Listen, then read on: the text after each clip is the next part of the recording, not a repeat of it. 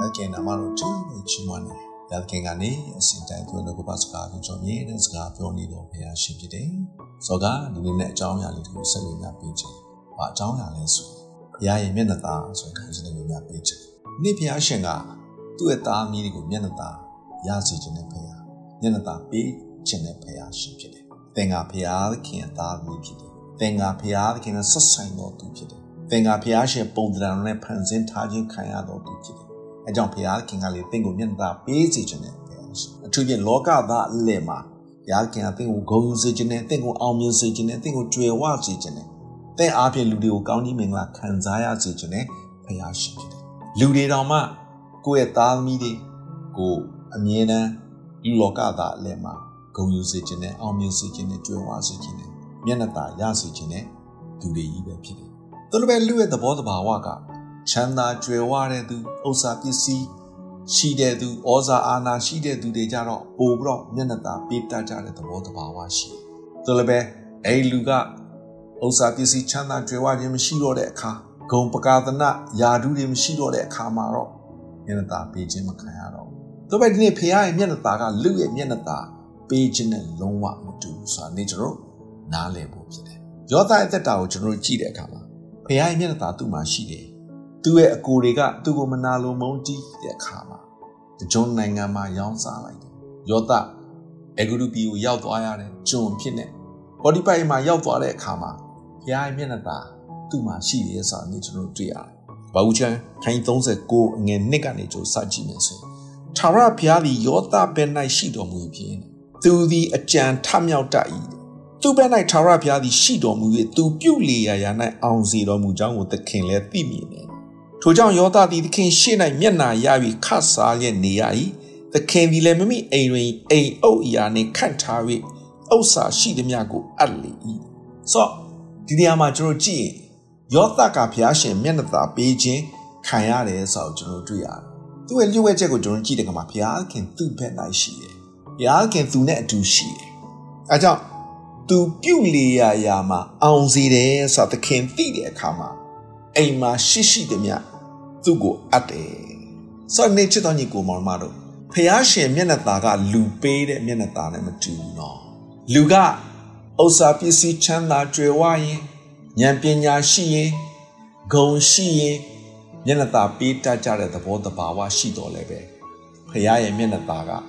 အခြေအနေပေါ်မှာဥစ္စာပစ္စည်းပေါ်မှာလုံးဝမူမူတည်ဘူးစာနေကျွန်တော်နားလည်ဖို့ဖြစ်တယ်ဖះသခင်အတူရှိခြင်းပေါ်မှာကျွန်တော်နားလည်ဖို့ဖြစ်တယ်အဲ့ဒါကြောင့် သုတ်တန်ချခိုင်း3ငယ်3လေးကိုကျွန်တော်ကြည့်တဲ့အခါမှာဂယုဏတရားနဲ့သစ္စာတရားကိုသင်နဲ့မကွာစေနဲ့တဲ့ထိုတရားသည်သင်လေပင်၌ဆွဲထားလော့တဲ့နှလုံးအင်းစီရင်၌ရေးသွင်းလော့တဲ့ထိုတို့ပြုလျင်ဘုရားခင်ရှေ့လူတို့ရှေ့မှာမျက်နာရ၍ဂျေဇုကိုခံရလိမ့်မယ်ဒီနေရာမှာတော့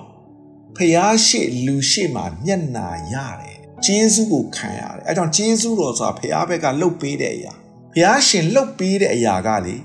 အခြေအနေပေါ်မှာမဟုတ်ဘူး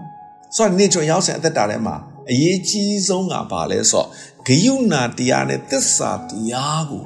မကွာစေဖို့ပဲဖြစ်တယ်ဒါဝိရဲ့အသက်တာကိုကျွန်တော်ကြည့်တဲ့အခါမှာဣသရေလလူမျိုးရဲ့ဒုတိယပြည်ရင်ရွေးဖို့ဖြစ်လာတဲ့အခါမှာသူ့ကိုယ်တွေကရှောလူစီမှာအမှုထမ်းတဲ့သူတွေဖះမရွေးဘူးဒါဝိကိုပဲရွေးတယ်တနည်းအားဖြင့်ဒါဝိကဖះရှင်မျက်နှာသာ ပေးခြင်းခံရတဲ့သူဖြစ်တဲ့စာနဲ့ကျွန်တော်တွေ့ရတယ်။ဘုရားရဲ့စိတ်တော်နဲ့ညီညွတ်တော်သူရုသရဲ့သက်တာကိုကျွန်တော်ကြည့်တဲ့အခါမှာလေမောဘအမျိုးသမီးတပါးအမျိုးသမီးခင်မွန်တဲ့ဆုံးမသွားတယ်။သူရဲ့ရောက်ခမနော်မီနောက်ကိုလိုက်လာတယ်။ကိုရောရဲ့အမျိုးကကျမရဲ့အမျိုးကိုရောရဲ့ဖေယားကကျမရဲ့ဖေယားဖေယားနောက်ကိုလုံးလုံးလိုက်တဲ့မျိုးသမီးဖြစ်တယ်။သူများရဲ့စဘာကျွန်းစဘာချံမှာလိုက်လံကောင်းပြီးတော့မှသူရောက်ခမကိုလှုပ်ကြွေးနေတဲ့အမျိုးသမီးဖြစ်တယ် နောက်ဆုံးလေပိုင်ရှင်ဘောဇာရဲ့ဇနီးဖြစ်သွားတယ်မဟုတ်လားဆိုတော့ဒီနေ့ဖခင်ရဲ့မျက်နှာသာဆိုတာအချိန်နေအချိန်ခါအဆင့်တန်းနဲ့မဆိုင်ဘူးဆိုတာနေ့ကျနားလည်ဖို့ဖြစ်တယ်ဒီနေ့ကျွန်ရောက်စဉ်အသက်တာထဲမှာဖခင်ကကျွန်တော်ဆက်ဆိုင်သောဖခင်ဖြစ်တယ်ဒီနေ့သင်က